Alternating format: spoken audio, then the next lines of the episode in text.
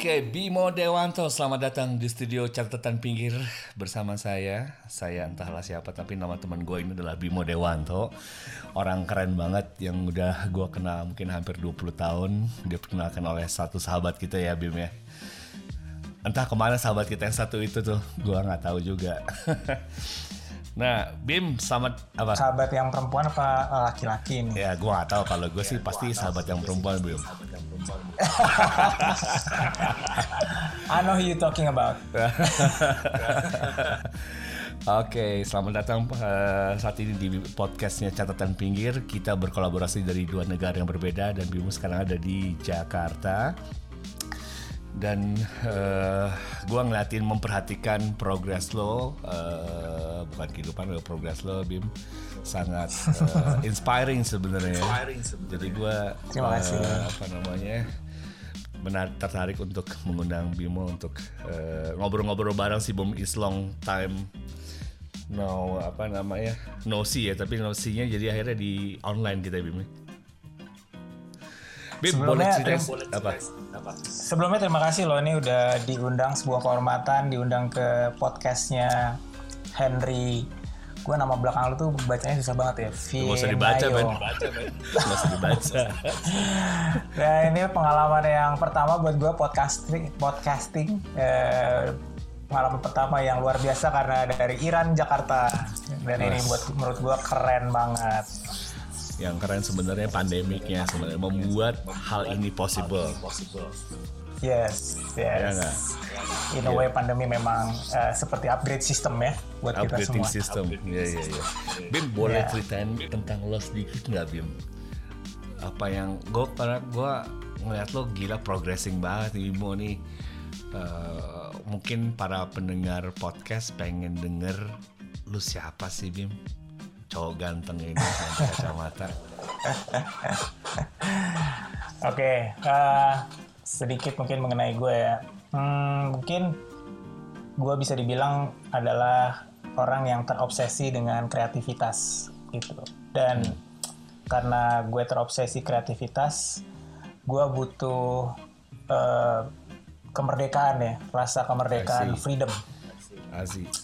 Oleh oleh karena itu, uh, walaupun sebelumnya gue berkarir di uh, area marketing communication ya karena di situ kita banyak uh, punya peluang untuk berkreativitas mm-hmm. tapi pada akhirnya gue memutuskan untuk uh, berjalan sendiri gitu ya mandiri mm-hmm. uh, buka usaha sendiri supaya uh, kemerdekaan yang gue cari itu bisa benar-benar gue ekspresikan mm-hmm. dan gue bisa bebas menjadi diri gue sendiri mm-hmm. uh, dan yang paling penting membuat template hidup gue sendiri karena menurut gue uh, sekarang kita banyak sekali jebakan template standar gitu sehingga kita jadi sepertinya harus mengikuti template tersebut untuk bisa berkata bahwa kita sudah sukses di dunia inilah.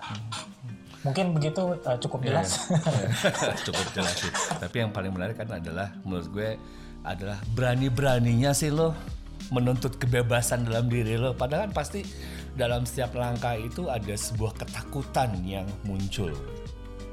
Pernah nggak sih lo takut gitu dalam mem mem iya. pilihan? Uh, ternyata memang gue itu senang adrenalin bro. Asik. Iya, jadi uh, emang risk taker uh, dan dan risk taking itu bikin gue hidup. Mm -hmm. Dan gue ngerasa uh, apa ya ya that's me gitu ya buat orang lain mungkin terlalu mengerikan tapi buat ya kayak orang seneng main roller coaster lah gitu ya. Kan ada yang seneng ada yang enggak ya gitu. Iya iya iya. Nggak bisa dipaksain semua orang sama kan? semua orang sama kan. Iya betul. Iya. namun yang pertanyaan menarik gue inget banget pada saat lo mau masuk ke industri atau ke client side lo telepon gue iya. gue tunggu banget momen itu nih. Wah kaget. Bim kenapa lu Bim gitu tapi gue juga tidak melihat bahwa lu tidak sukses menjalani kehidupan lu di apa ya di di client side atau corporate side gitu. Iya benar.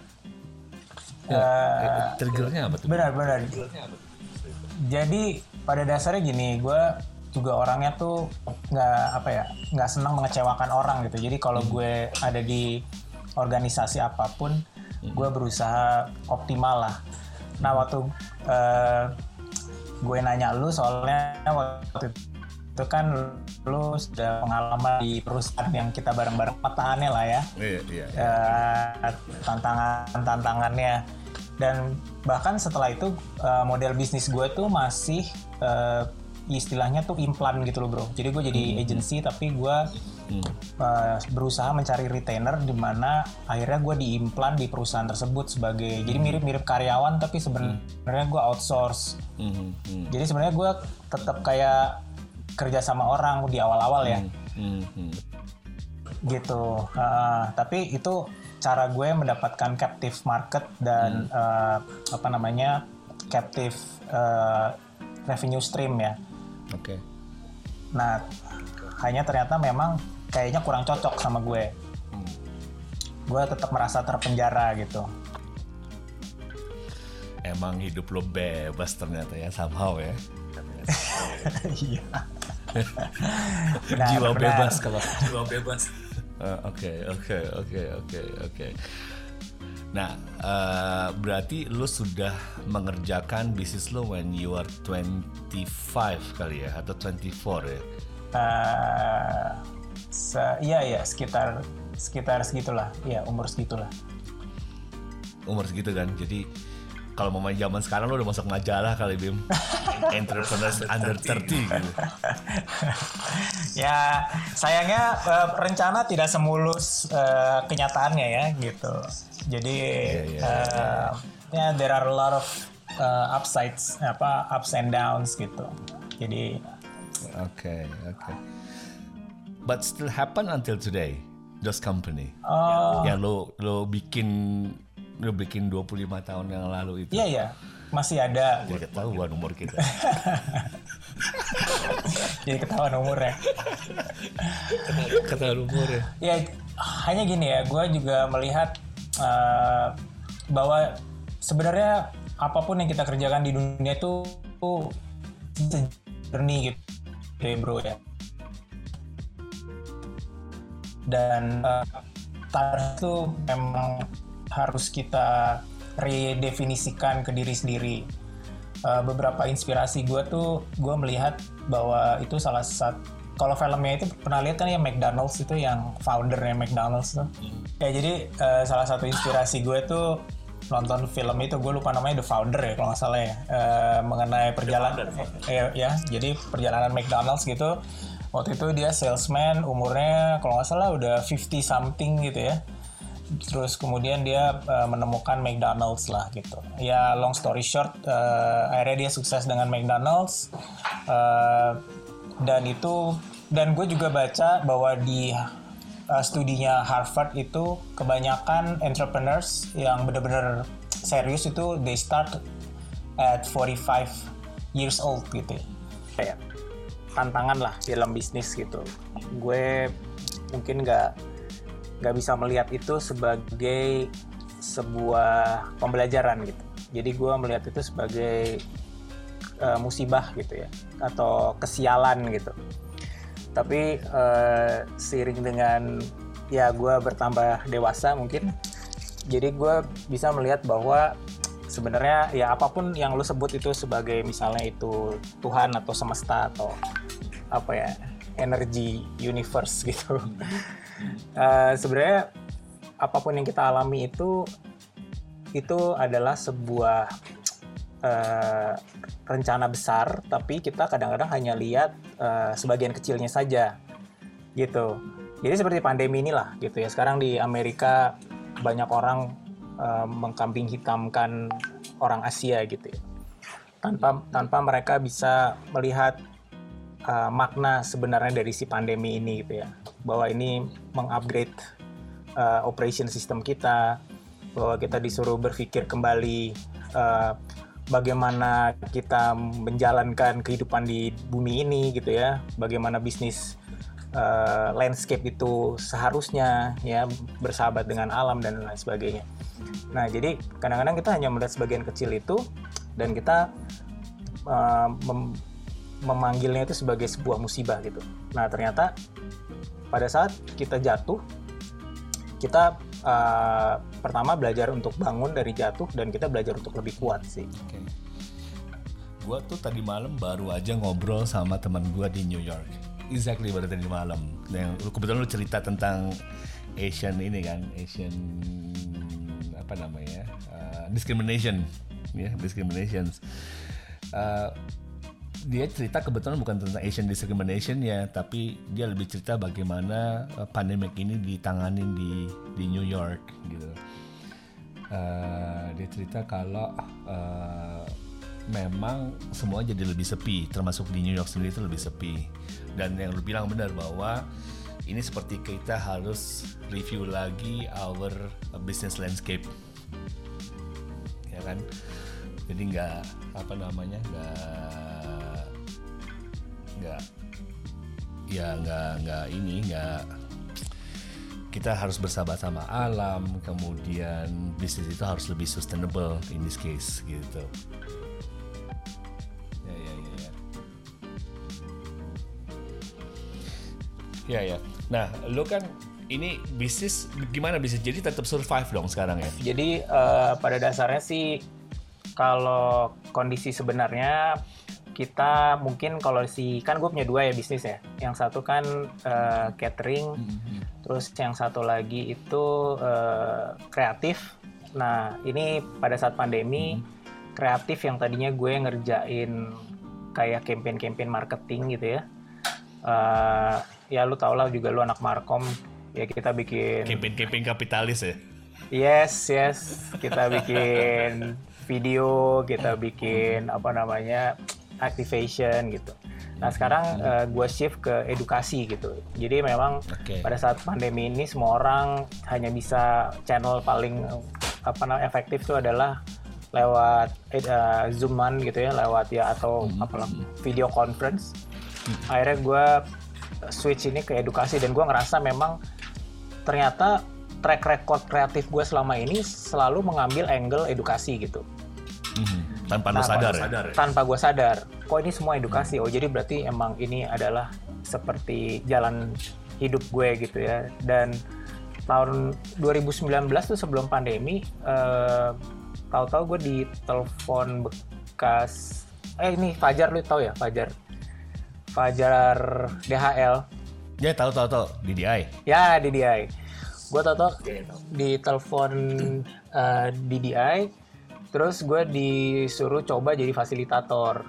Jadi nyambung semua tuh bro. Mendadak gue, okay. uh, mendadak gue jadi fasilitator, mendadak gue ngajar, uh, terus kerjaan dari klien juga berbau edukasi. Nah tadi balik lagi ke pertanyaan gimana bisnis. Uh, pada dasarnya si catering itu uh, dalam posisi defense, jadi uh, tetap bertahan Uh, cuman kita memang lagi berusaha meningkatkannya lewat uh, inovasi-inovasi supaya growth ya. Uh, kalau untuk si edukasi um, memang karena apa ya uh, orang yang terlibat di dalamnya tuh sedikit uh, kita masih bisa growing ya gitu. Okay. Uh, nah uh, kalau ini kan jadi lu tanding dua stream ya dari dua stream. Dan dua stream ini memang yang saat dua-duanya sa, satu lo gini satu dilihat bisnis yang communication creative communication untuk untuk apa namanya lo menyadar akhirnya menyadar bahwa angle yang lo ambil adalah tentang edukasi. Kemudian dari stream yang uh, catering um, dia melakukan proses innovation yes. gitu kan sebenarnya kalau lihat benang merahnya dua-duanya sedang melakukan proses innovation kan yes gitu kan? betul okay. betul jadi sebesar apa pun bisnis atau sekecil apa pun bisnis innovation is adalah kunci kalau istilah zaman sekarang benar sekarang. benar oke okay. Nah, dan yang paling gue pelajari adalah setiap inovasi ada masa kadaluar kadaluarsanya kan ya bro. Mm-hmm. Jadi begitu misalnya itu bagus, uh, biasanya banyak peniru kan. Mm-hmm. Nah jadi lo harus menciptakan sesuatu lagi yang baru. Jadi terus aja gitu. Hmm. Nggak nggak pernah berhenti ya? Nggak pernah berhenti. Jadi sebenarnya kehobian lo tentang kebebasan tadi tidak pernah berhenti juga karena you have a free mind, ya kan? Iya benar benar. Free mind. betul betul. Nah itu yang gue senang jadinya. kayak kayak podcast kita ini walaupun kita kita harus melakukan ini secara online sebelumnya lo harus ketemu kalau nggak ketemu nggak asik gitu. Iya iya iya. Hmm? Dan sebenarnya sih gue orangnya visual ya. Jadi kalau ini dari tadi kita mati-mati melulu tuh gue merasa lebih tersiksa gitu. Gue lebih senang ya. kita Tetap ada tatap muka gitu. Gue juga demikian tapi apa apa daya kita kadang-kadang harus men- we want to change the world but the world change us. Yes, exactly, exactly. Iya kita di, di, di, dirubah sama dunia. Nah, Bi- Bim dalam dalam selain pandemik ini ya, apa hal-hal apa saja sih yang me- menjadi tantangan dalam lo ngerunning bisnis? Baik yang catering maupun yang creative communication. Eh, tantangannya banyak ya. Jadi tapi mungkin kalau kita bisa merefleksi diri gitu, tantangan itu selalu ada di diri kita lah gitu ya. Eh, terutama bagaimana kita melihat apa yang dibilang orang tuh perpaduan an- atau apa ya eh, eh, proporsi antara safety zone dan comfort zone. Nah jadi Iya, Wah menarik nih. Yes. Safety zone, comfort zone. beda ya. Beda. pikir sama, Jadi beda ya. eh, kadang-kadang orang mempersepsikan safety zone seperti eh, yang sudah-sudah yang mereka rasakan dan itu menjadi comfort zone. Padahal Hmm. safety zone itu bergeser, ya kan? Jadi kayak misalnya eh, begini deh, kalau kita pengusaha nih eh, sebelum pandemi jor-joran ngam- ngambil eh, hutang gitu ya, karena dengan berpikir oh ini masih ada di safety zone gue, gue bisa afford cicilannya gitu kan? Atau misalnya orang biasa, oh gue bisa afford nyicil rumah, gue bisa afford nyicil eh, mobil sebelum pandemi itu. Begitu pandemi kan safety zone-nya pindah bro. Iya iya. betul. Tapi iya, kita iya, masih ada di comfort zone, Iya. ya kan? Nah, Iya. akhirnya orang merasa menderita karena dia harus mengubah gaya hidup kan. Comfort zone-nya Iya. diobrak-abrik tuh. Ya. Nah, itu sih contohnya. Jadi itu tantangannya sih. Oke. Oke. Nah, atau jangan-jangan as a business semesta lagi nyuruh bahwa lo nggak boleh Betul, ngutang. bisa juga. Bisa juga. Jadi ya. Bisa jadi. Jadi ini emang kalau kemarin pada nggak ngerti konsep eh, riba misalnya. Nah sekarang, nah lu rasain dah gitu. Nah, akibatnya riba begini nih. Iya, rasanya neraka banget loh, gitu kan. Kemarin nggak percaya lo gitu. Iya, iya, iya. Ini kayak kiamat ini kayak kiamat kecil. Iya. Sekarang pedih bro. pedih, pedih emang pedih, pedih, pedih. Ya gitu. Nah, eh, nah, lu tadi sempat juga cerita nih selain tantangan tersebut ada pandemi, kemudian eh, ada safety zone sama comfort zone. Tapi hal-hal ini merubah lo menjadi lebih matang. Betul. Betul. Iya kan? Iya. Lebih matang, kemudian lo melakukan proses inovasi yang di driver dari external driver.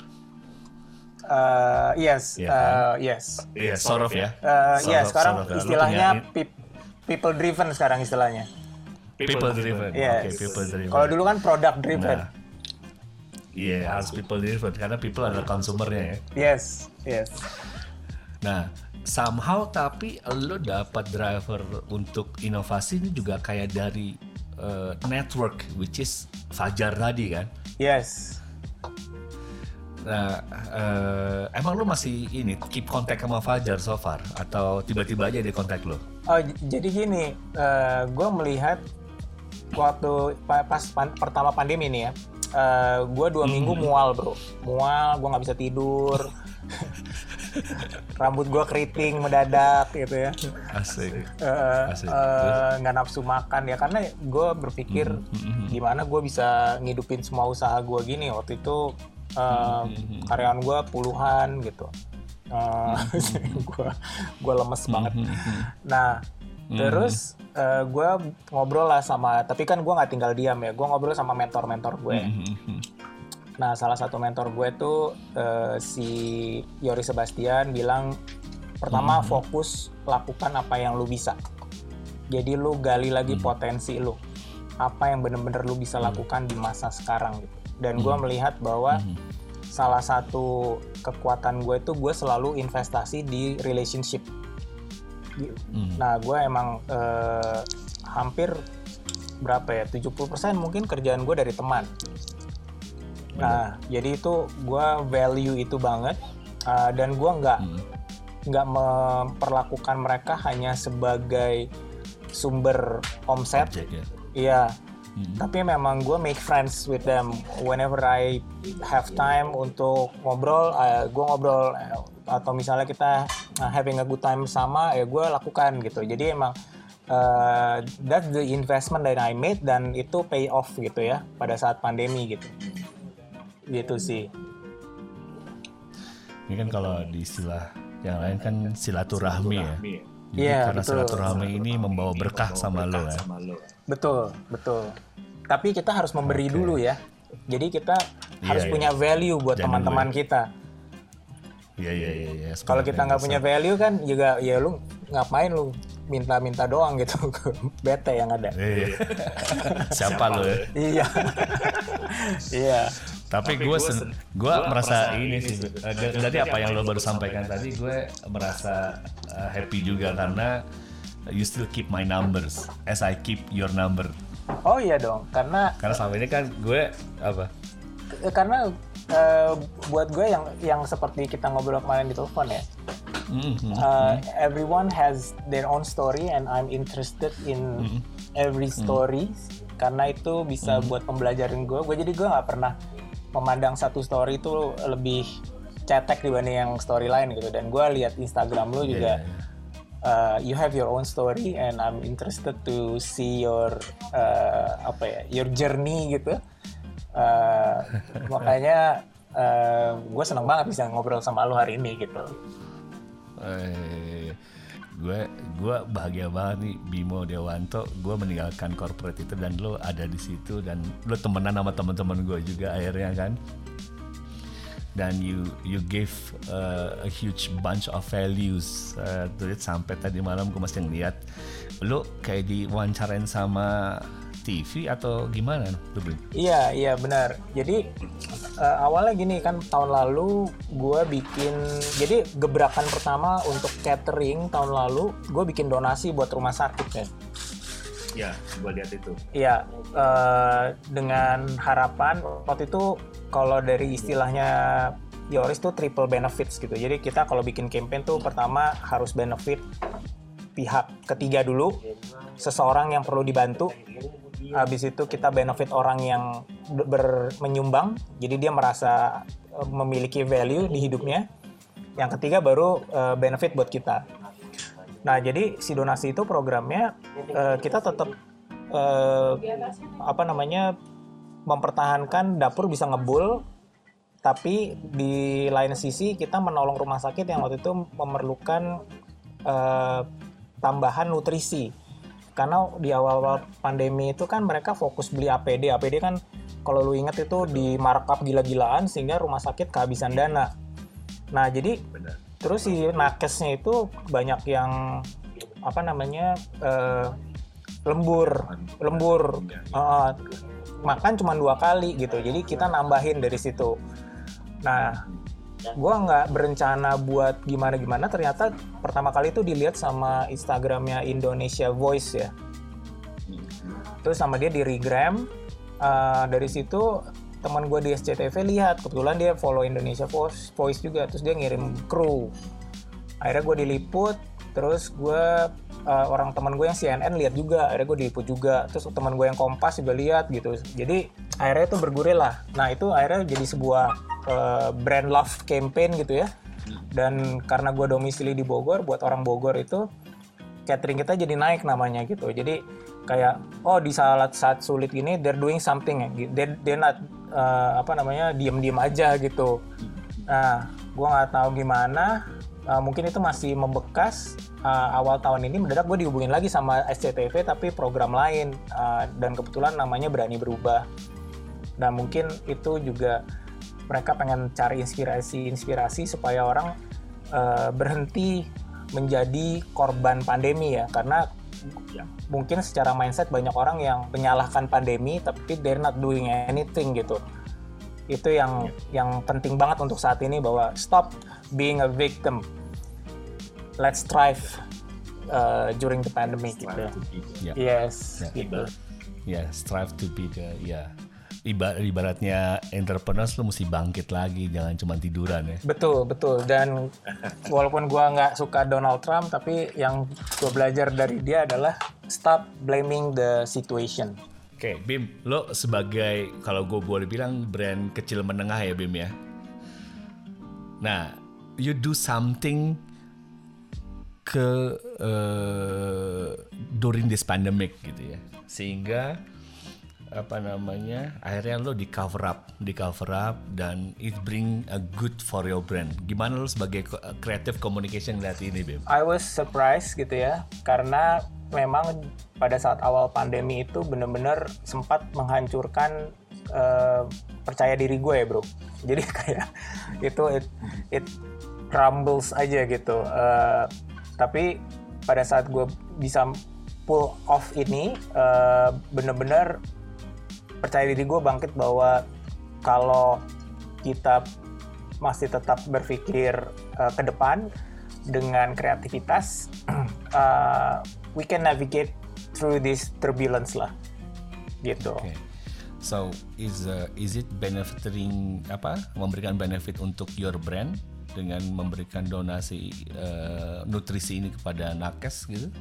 Iya, jadi gue melihatnya walaupun bukan uh, monetary gitu ya, mm-hmm. tapi waktu itu memang banyak yang support kita dan mereka mm-hmm. melihat bahwa uh, apa ya gerakan kita ini perlu didukung penuh gitu, termasuk kan kita dapat support juga dari wakil wali kota waktu itu. Mm-hmm. Jadi dia ikut di liputan kita. Mm-hmm. Uh, dan apa namanya waktu itu soalnya si si Pak Wali Kotanya kan lagi kena COVID tuh Pak Bima ya. Mm -hmm. ya, ya, ya, ya, Jadi yang muncul si Wakil Wali Kota. Karena karena kita dapat endorsement langsung dari uh, orang nomor dua di Bogor gitu ya. Akhirnya mungkin untuk masyarakat Bogor kita terutama menjadi ini ya uh, secara brand value-nya bisa dibilang mungkin jadi meningkat gitu ya. Value-nya jadi meningkat dan apa namanya? Uh, lo jadi lebih dikenal oleh warga Bogor ya. Oke. Okay. Tapi lu perhatiin nggak banyak company-company gede yang during those early pandemic ya kayak nggak kelihatan apa-apa gitu Bim. Iya banyak banget. Mungkin kalau gue bilang mereka they were in the uh, apa ya uh, in the shocking uh, stage gitu. Mereka uh, shock uh. banget semua rencana semua uh, forecastingnya berantakan yeah, yeah. sehingga mereka yeah. luput untuk melihat hal-hal seperti ini mungkin yang awal-awal mereka lakukan adalah uh, merek merestrukturisasi organisasi dulu gitu mm. kali ya mm -hmm. iya yeah. Kalau kalau kita kan langsung restrukturisasi kan kepala ya kan kepala penjenggut gitu kan. Betul tapi kan di gini untuk di level yang uh, kecil menengah ini this is the moment untuk uh, shifting kemudian ini the moment juga untuk bergerak lebih cepat dan karena ini diambil keputusan lebih cepat seperti keputusan diambil oleh lo sendiri misalnya jadi lo langsung tahu apa yang lo harus aku kerjakan kan yes. instead of bureaucratic decision gitu. Di, mungkin kalau di corporation isu-isunya kali juga ya. Iya. Uh, jadi yeah, yeah. mungkin kalau kita UKM ya lebih hmm. lebih beruntungnya adalah kan kita lean organization ya. Jadi hmm. mungkin decision is faster gitu. Uh, terus untuk dapat konsensus juga mungkin lebih mudah. Gua kebayang sih kalau it's a big organization atau bigger, misalnya ada temen gue ya punya 18 cabang kopi dan semuanya di mall. Hmm. Tadinya kan he was uh, on the top of the sky gitu ya. Mendadak uh, 18 cabang di mall bro, lu kebayang aja mall nggak ada yang buka. itu Oh, kan iya, iya, iya. lebih apa ya rasanya lebih mual dibanding gua. Iya, iya. Uh, jadi waktu itu kita uh, salah satu buku yang gue sempat browse through juga itu adalah uh, uh, the apa ya the small giant namanya bukunya. Jadi Oke. jadi itu memanage bahwa begini nggak selamanya besar itu harus selalu lebih banyak. Maksudnya lebih banyak cabang, lebih banyak orang gitu ya. Jadi mereka stay lean, yang mereka perbesar itu adalah profitnya. Mhm. So how you can make more profit with the same people gitu kan kayak sekarang udah mulai kelihatan kan ya dengan robot Iya, iya, iya. eh, otomot apa otomatisasi gitu-gitu kan Iya, iya. gitu. Ya. Jadi jadi itu yang Ya, menginspire gue. Ya. Nah, dengan kondisi ini pandemik membuat orang menjadi efisien. Yes. ya kan efektif dan efisien atau kayak misalnya um, we don't need any bigger space anymore for the office Yes, and location is no longer important. Jadi Iya. 4P itu Location. dipertanyakan sekarang. Ya, 4P seperti loh 4P mau pasti locationnya berubah yes, jadi ke online. ya kan Yes. jadi online virtually like we are doing today kan Yes. ya jadi anything's possible lu tetap harus bikin lokasi tapi move your location into online to Yes. be more efficient Yes. ya kan Yes. Eh, ya ya ya, ya, ya. ini ini ini memang kalau kalau sekarang mungkin kita setahun ulang tahun pandemi kita bisa bilang bahwa eh, thank you pandemic for bring this issue to us and Yes. make our eh, apa namanya our world is more eh, bluer lebih lebih biru dan lebih greener ya Yes, gue ngalamin jalan-jalan di BEJ yang sepi banget dengan langit Jakarta yang biru tuh ya tahun lalu ya. Hmm. Itu go Oke. gokil bro. Banyak gue terus gue lihat banyak pasangan jalan sama bayinya, enjoying enjoying the city gitu ya. Iya, iya, iya. Itu jadi termasuk gathering dan dan uh, come up with together with the family. yes dan makanya cycling jadi tren banget karena they're enjoying the, the the blue sky of Jakarta gitu. Uh, and the begal keep. Of course, Cycling. it's a business opportunity, bro.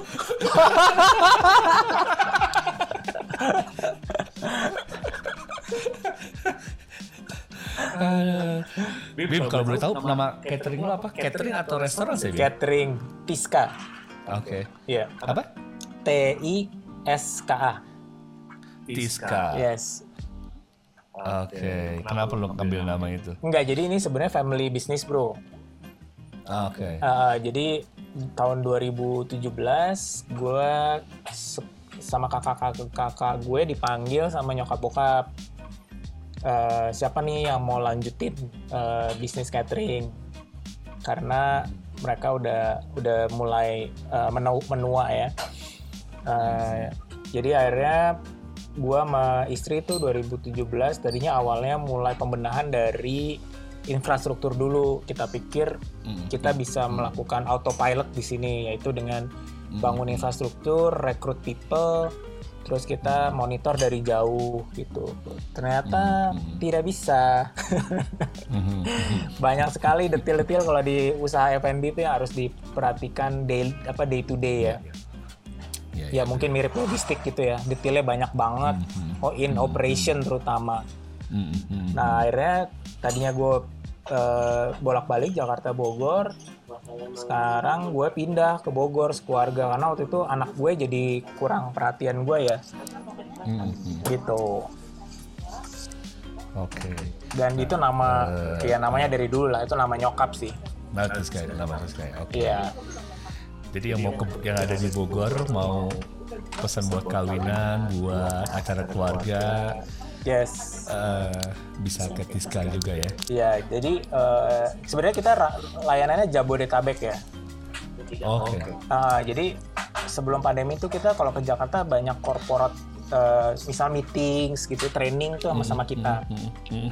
Tapi setelah pandemi kan jadi eh, beda ya, beda setup lah.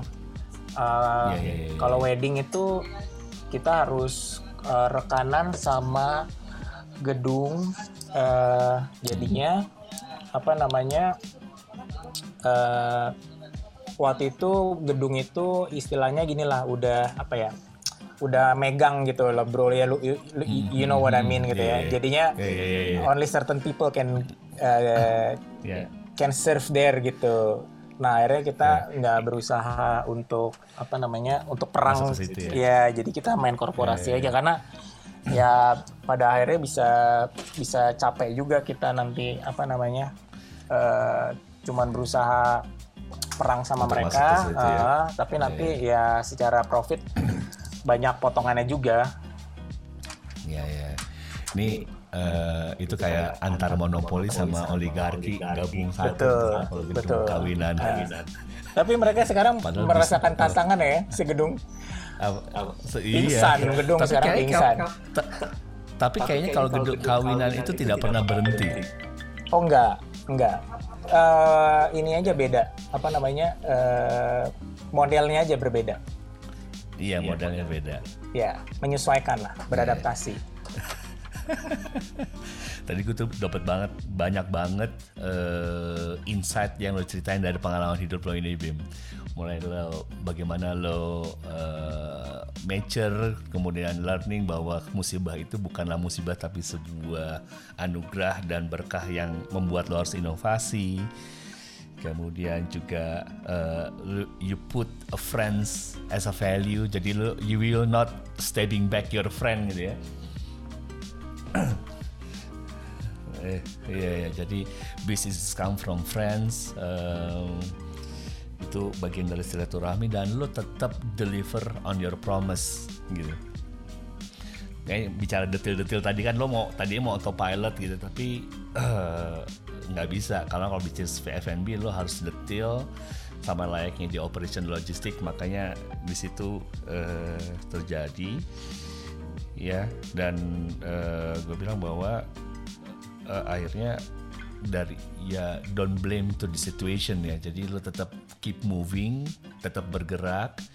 Apa pun yang terjadi. Ya sempat sempat pause juga ya Bim ya. Sempat pause. Sebagai manusia wajar lah kalau lo pause ya. Harus mikir harus mikir ada pause. Tapi itu tidak menghentikan the way how you uh, apa namanya building up yourself. Dan that's here now itu memang pengusaha bukan seberapa banyak lo jatuh gitu ya tapi seberapa cepat lo bangkit gila ini emang tangguh banget jadi eh apa memang jadi pengusaha memang menurut lo semua orang bisa jadi pengusaha atau hanya certain of people saya bisa jadi pengusaha ya? Eh, pengusaha itu harus dari, menurut gua, it's, it's a calling ya, panggilan. Jadi eh, kalau panggilan itu nggak ada, eh, hanya ikut-ikutan, berat bro. Ini eh, pilihan yang berat. Karena eh, apa ya, kita harus terbiasa. Jadi gini, ada namanya eh, manajemen suffering ya. Nah, jadi kalau kita sudah bisa menguasai eh, manajemen penderitaan tersebut, eh, kita bisa jadi pengusaha yang unggul lah ya. Jadi eh, kalau kita nih ngobrol nih sesama pengusaha ya bro ya, itu eh, mungkin orang-orang yang kerja itu they won't believe eh, what we've gone through gitu ya. Bener-bener yang bisa temen gue yang di atas banget abis itu tahu-tahu besok naik motor gitu ya bi- bisa bro. Ya Bisa. bisa bisa banget gitu. Jadi tapi kan mereka tetap kuat. Ya kan? Jadi ini ada temen gue nih. Iya benar. bayangin Ah. tadinya anak anak orang berada kemudian eh, dia nerusin usaha keluarga eh, di Cirebon ya Rotan. Terus kan you know lah Rotan kalah saing sama China. Hmm, ba- yes bangkrut sebangkrut bangkrutnya eh, naik motor tinggal di kontrakan eh, terus dia eh, waktu itu kebetulan gue kan klien gue Coca-Cola ya. Terus gue eh, kebetulan ada kenalan lagi cari seseorang. Gue bilang lu masuk Coca-Cola dulu aja biar biar aman dan lu belajar lah. Akhirnya dia masuk Coca-Cola. Nah ini eh, hidupnya belum selesai juga nih bro perjalanannya. Mendadak eh, program dia tidak dilanjutkan. Jadi kontraknya diberhentikan, ya kan? Wah, tuh eh, berapa lama tuh dia berpikir, tapi di Coca-Cola dia waktu itu kebetulan menangani sustainability kayak lu. Iya, iya. Ya, nah habis itu eh, dia bikin proposal hanya dengan PPT bro menghadap eh, Bos Salim, Indofood. You know what he got? Got satu juta dolar untuk memulai bisnis eh, plastik. Jadi eh, apa namanya dia me- merecycle plastik menjadi bahan bangunan, menjadi furniture gitu ya. Dan dia eh, ditransfer satu juta dolar. Jadi that's kind of you know that's kind of life that This kind of life. yeah, a businessman would experience gitu. Nah, kalau lu senang roller coaster, eh, well, you know, it's fun.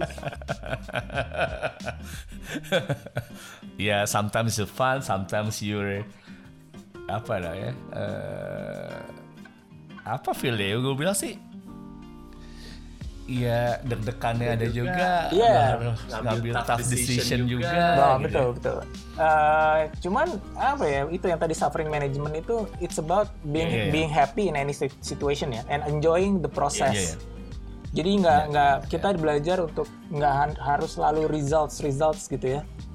Mhm. Karena kadang-kadang kalau udah cepet jadi, you lose the appetite man gitu. Bener nggak? Hah? Bener nggak? Iya, iya, bener, Eh bener, lu bener. lagi bangun Lego kan the the thrill itu adalah saat lu bangun ya gitu kan. Iya, iya, iya. Ah. Bukan pas udah jadi. Ah, ya. kalau udah jadi, ya udah lu tinggalin tinggalin aja. Iya, ya paling lu pajang, lu nyari yang lain kan. Iya. Iya, Jadi bener, kenapa bener. lu- That's human, that's human. Iya, jadi kenapa lu mau cepet-cepet selesai gitu? Iya. Sa- ini kan istilahnya sama dengan lo cepet-cepet mau naik sebagai eh, big boss ya. Yes. Karena di atas itu anginnya kenceng banget. Benar. Belum siap belum? Kalau belum siap jangan. Iya. Dan some people they like to stay where where they are kan, bener nggak? Iya. Iya, benar, benar. Ngapain gue jadi bos? Capek. Duitnya perangkap doang, ya kan? Iya. Kalau nggak bisa dinikmatin, lo tiap hari didera-dera sama Big Boss, males juga kan? Ah, Sering, sering banget kayak lo didera sama bos lu ya. Bener nih bos lo denger nih. Tapi bos lo baik kok. Iya, baik dong. Baru ketemu gue. Baik, baik, baik. Baru ketemu ya. ya. Iya. Jadi coach dia sekarang. Oh iya, Oh iya iya iya iya, iya sih. Gue terakhir ketemu dia tuh ka- Oh, telepon-teleponan nih ngobrol-ngobrolan. Gue juga pengen, no, mungkin tiga tahun yang lalu kali gue ketemu. Iya. Sama bisnis kaosnya juga kan cukup bagus. Tetap tetap eksis. Yes. More than 20 years itu. Ya. Eh, Ini seperti in, in, in my podcast sih. Oh ya. Iya. Iya iya. Iya. Sekarang nanganin Borobudur. Pesannya banyak bang. Nanganin Borobudur ya. Ini ngobrol-ngobrol sama lo hari ini memang banyak banget yang bisa di take out ya oleh teman-teman yang dengerin catatan pinggir. Dan Bimo ini adalah eh, consistent entrepreneurs. Apa pun yang terjadi mau dia rambut rontok kek mau eh, kacamata pecah mau benjol-benjol kayak dia tetap melakukannya secara konsisten. Apa pun itu dan lo pasti juga pernah ngalamin selain tadi hal-hal yang tough lo juga melakukan hal-hal yang tough bukan mengalami tapi juga melakukan hal-hal tough apa yang pernah lo lakukan Bim? Ini eh, ini ya tidak sesuai dengan untuk template semua orang ya bro ya. Iya benar benar benar. Eh, Tapi we, we can take out some learning from it. Iya iya. Eh, jadi gini bro. Eh, tadi kan di awal gue bilang bahwa gue senang adrenalin ya. Jadi berarti gue I'm a bit of a gambler right. Jadi gue eh, ada satu stage di hidup gue, gue punya properti itu satu di Bintaro, satu di Kuningan. Yang di Kuningan tuh kantor. And karena gue bener-bener pengen punya bisnis yang sustainable, waktu itu gue nggak terlalu. Jadi gini, gue terperangkap dalam apa ya template orang banyak bahwa having a property itu is the main goal. Hmm. Terus gue nonton uh, Robert Kiyosaki, terus gue nonton Minority Mindset di Instagram gitu ya, bahwa uh, aset itu uh, is something that put money in your pocket gitu. Yeah. So if you have properties but it takes money from your pockets, it's not an asset, it's liabilities gitu. Ya. Akhirnya gue jual dua-duanya bro, Oke. to get some cash uh, untuk bisnis gue bisa ada leverage gitu ya. Uh, dan what happened? Uh, it didn't work. Tapi Kenapa lo memilih menjualnya instead of the renting it it out? Jadi gini, I didn't realize uh, I had a leak in my company. Hmm. Jadi ada leaknya gitu, ada bocor. Gue nggak tahu. Kok gue mikir kerjaan banyak, kok ini kagak kekumpul-kumpul ya? Gitu. Jadi I didn't know until I sold my properties juga ya. Oke. Uh, jadi uh, begitu gue sold, terus gue tetap running business as usual. Kok kayaknya something wrong, bocor mulu gitu. Uh, dan apa namanya? uh, akhirnya gue tahu bocornya di mana itu baru sebelum pandemi, bro. Hmm, hmm, hmm. Ya karena itu dari dari inilah uh, someone yang terdekat lah. Jadi gue Hmm, hmm, ya I had my- I had to deal with that first gitu. hmm, hmm. Uh, tapi when yang gue belajar juga uh, begitu lu ikhlasin ya. Karena karena setiap uh, ada ada sesuatu yang terjadi di, di hidup lu itu sebenarnya uh, semesta pengen lu belajar sesuatu. Dan kalau lu belum lulus, biasanya itu diulang-ulang kejadian itu. Hmm, Kayak kayak repetitif gitu, kayak terjadi terus gitu. Iya, iya. Ya. Hmm, hmm. Nah, ternyata pembelajaran yang gue alami saat itu adalah gue sangat takut kehilangan uang Hmm, orangnya dari dulu ya. Jadi gue Hmm. pernah dapat julukan seniman eh, takut miskin dari teman-teman seniman gue. Seniman takut miskin. Padahal Iya. seniman itu harus miskin ya. Maksudnya Karena dia kerja berdasarkan ini kan. iya berdasarkan feeling kan dia nggak nggak pakai Iya, iya, nggak pakai iya, struktur gitu kan. Iya, Iya, iya. Mm. iya. Nah mereka melihat gue tuh terlalu terstruktur sebagai seorang seniman Hmm. gitu. Jadi seniman takut miskin. Nah setelah gue mengalami masa itu ya dan gue gue sempat inilah ya uh, I was at my lowest point gitu. Hmm, Uh, dan gue bisa manage untuk mengikhlaskan dan gue memulai lagi semua dengan riang gembira. Uh, the money came back ya hmm, gitu loh. So the money is like an energy gitu. When you put ke apa ya? Kalau di otak lo, karena kan kita nih semua frekuensi ya bro. Kita semua bergetar kan ya di dunia ini kan menurut fisika kan. Jadi sebenarnya berhati-hati dengan getaran pikiran kita gitu. Pada saat kita bilang kita takut uang, itu yang getaran itu yang ditangkap sama semesta dan itu yang terjadi sama kita. Itu yang menurut gua Membuat lo, membuat lo digetarkan ya. Betul, betul. Pada saat kita tahu bahwa uang itu hanya sarana, eh, lalu kita itu eh, hidup ini bukan untuk mengumpulkan ya. Ini mungkin yang pelajaran yang paling gue dapat gitu. Hidup ini bukan untuk mengumpulkan, tapi untuk meng- mengalirkan. Hmm, Nah, pada saat gue mengambil dua uh, filosofi tersebut, itu benar-benar memang somehow whenever you need it, whenever you need the money, hmm, it will come. hmm. Gitu. Jadi Jadi sebenarnya jadi lo hanya perlu cukup ya Bim. betul, betul. Dan kalau lo bersyukur, lo akan ditambah. Hmm, hmm, hmm. Jadi the power of gratitude itu very powerful ya. Ya, yang menariknya ini diambil di take out oleh banyak buku-buku yang dipublishin di US ya. Betul. Jadi sekarang dunia western itu benar-benar lagi ngambil masalah eh, bukan masalah eh, eh, perspektif gratitude. Gratitude itu ternyata Iya, iya, iya. brings things back gitu. Iya. Dan, semuanya sudah ada di Quran, man. Yes, yes. Kan rezeki akan datang dari arah yang tidak terduga ya bro. Kata Quran Betul. begitu. Dan itu gue baru bisa ngerasain pada saat gue ikhlas. Iya, iya, iya, iya, iya. That's, that's things, thanks. Gila ini antara pandemic, business and spiritual all blend together ya. Yes, dan menurut gue uh, we are uh, we are itu spiritual uh, creatures ya. Jadi sebenarnya all it comes back to our spirituality. Everything bro. Lo bu- bisa lihat Mind Valley. Uh, lo, lo lihat Mind Valley nggak sih Vic itu yang powerful Nggak, banget. Nah itu Mind Valley terus uh, uh, apa lagi ya? Uh, Joe Dispenza, Dr. Joe Dispenza. Iya, satu tahu. Nah, itu mereka semua berbicara eh, bagaimana lo bisa menjadi supranatural dengan eh, mencari jalan ke dalam, bro. Kan orang kalau ada masalah selalu mencari jalan keluar. Iya. Mabok. Ini Mabok. menca- enggak ya mencari jalan keluar. Maksudnya kalau bahasa Indonesia kan itu. cari jalan keluar gitu ya. Iya, iya. Padahal yang benar tuh Iya, cari iya, jalan iya. ke dalam.